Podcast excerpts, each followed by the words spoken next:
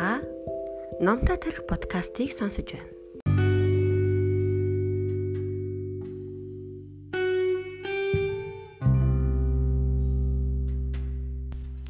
Алтан дээр Карнегийн номын 1-р дэвтэр 3 дугаар бүлэг 7 дугаар хэсэг яавал хамтран ажиллаж чадах вэ?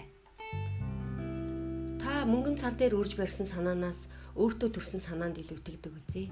Үнэхээр л ийм юм бол бусдад санал болгоно ялзах хэрэг байхгүй саналаа хэлчихэд дүгнэлт хийх боломжийг нөгөө хүндээ олгоснон дээр. Ямар нэг зүйлийг худалдаж авахыг нэлзаах юм уу? Юу хийхийг нь заахад хүнд эвгүй байдаг. Харин хэрэгтэй зүйлээ худалдан авч хүснийхээ дагуу ажиллаж байгаагаа ухамсарлах нь илүү таатай байдаг юм. Бидний хүсэл сонирхол хэрэгцээ бодол санааг харгалзаж үзэхэд бид дуртай байдаг. Ноён юужин уэсэн тохиолдсон явдлыг авч үзье л дээ. Дээр дурдсан үннийг ойлгохоос өмнө тэр олон доллар алдаж явжээ.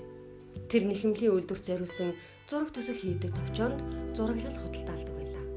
Ноён Уэсбон энэ салбарт ажилладаг Нью-Йоркийн нэгэн түнштэйгээ 3 жилийн турш 7 хоног бүр уулздаг байж. Тэрээр хэлэхдээ тэр намайг байн хүлээж авдаг хэрнээ зураг төслийг минь авдаггүй байв.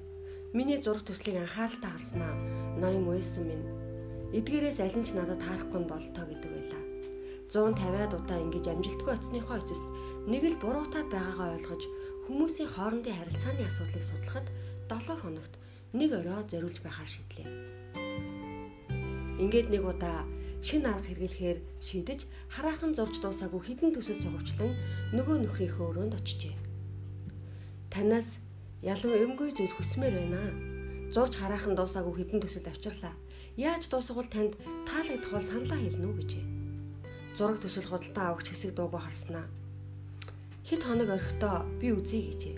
3 хоногийн дараа дахин нэр саналыг нь сонсоод зураг аваад анхааруулсан зүйлийг нь харгалзан зурч дуусгахаа амлажээ. Тэгээд ямар дүн гарсан гэж бүх зургийг нь авчээ. Энэ бүхэн олон сарын өмнө болжээ. Түүнээс хойш олон арван зураг төслийг захиалагчийн саналыг харгалзан гүйцэтгэсэн байна. Уйсэн ч их ашиг болж Юма яагаад түн зарч чаддгүй байснаа одоо ойлгож байна. Түүнд хэрэгтэй гэж өөрийнхөө үдсэн зүйлийг худалдах гэж байж одоо бол тис өөр болсон. Түүний санаа бодлыг нь асуудаг болсон.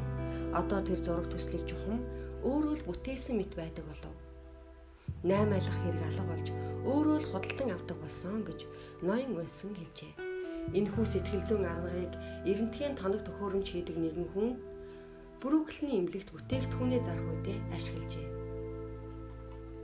өөрийн тоног төхөөрөмжөө магтсан олон хүн худалдан авах ажлыг эрхэлсэн доктор Илийг барьж идэхийг төхнө. Гэвч нэг нь бусдаасаа илүү овчин байлаа. Тэрээр хүнийг сайн мэдэх ажээ. Доктор Илд манай үйлдвэр саяхан шинэ эрентгийн төхөөрөмж бүтээлээ. Үйлдвэрээс ихний хэсгийг хүлээж аваад байна. Бүгд сайн болоогүй нь мэдээж. Иймээс ч цаашид улам боловсронгуй болгоно. Хэрв та зав гарган ирж саналаа хэлбэл би маш их баярлах байна. Таны зам муутайг мэдэх тул завтай цагт чинь унаагаа явуулахад бэлэн байна гэсэн загтал илгээжээ. Энэ загтлыг аваад би их гайхав. Гайхсан төдийгүй бахархах сэтгэл төрөв. Эрентхэн төхөөрөмж үйлдвэрлэдэг нэг ч пүүс урд нь намайг урьж байсангүй. Би хэрэгтэй хүн болохоо мэдэрлээ.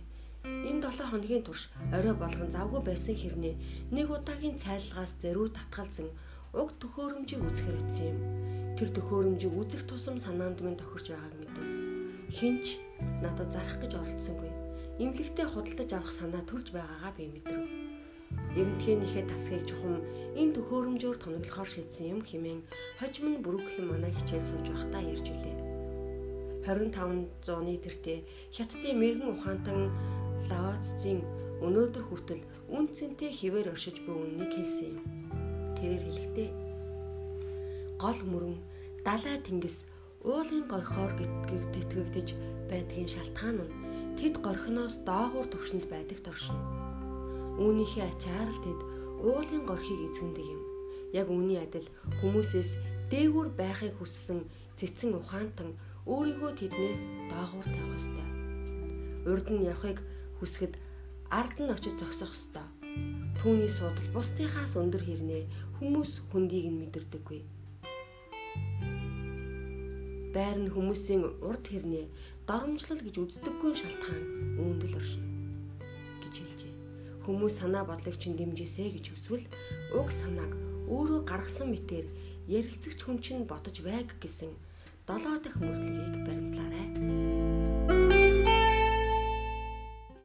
Та номтой тарих подкастыг сонсож байна.